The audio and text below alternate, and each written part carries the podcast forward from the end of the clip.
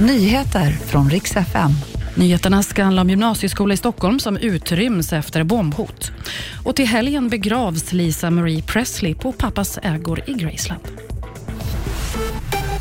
Vi ska börja med att i Tyresö i södra Stockholm så har en skola fått utrymmas efter bombhot. Det rör sig om en gymnasieskola. Polisen finns på plats men vill inte gå in på exakt vilken typ av hot det rör sig om. I Malmö försöker någon medvetet skada hundar. I över två års tid har polisen varnat för att någon lägger ut preppade bullar med vassa metallföremål i. Och nu har två hundar till fått i sig sådana här degknyten i centrala Malmö och skadats så allvarligt att de fått föras till akuten och opereras av veterinär. Och kritiken har inte varit nådig mot regeringens förslag att hemligstämpla elstödet i 20 år.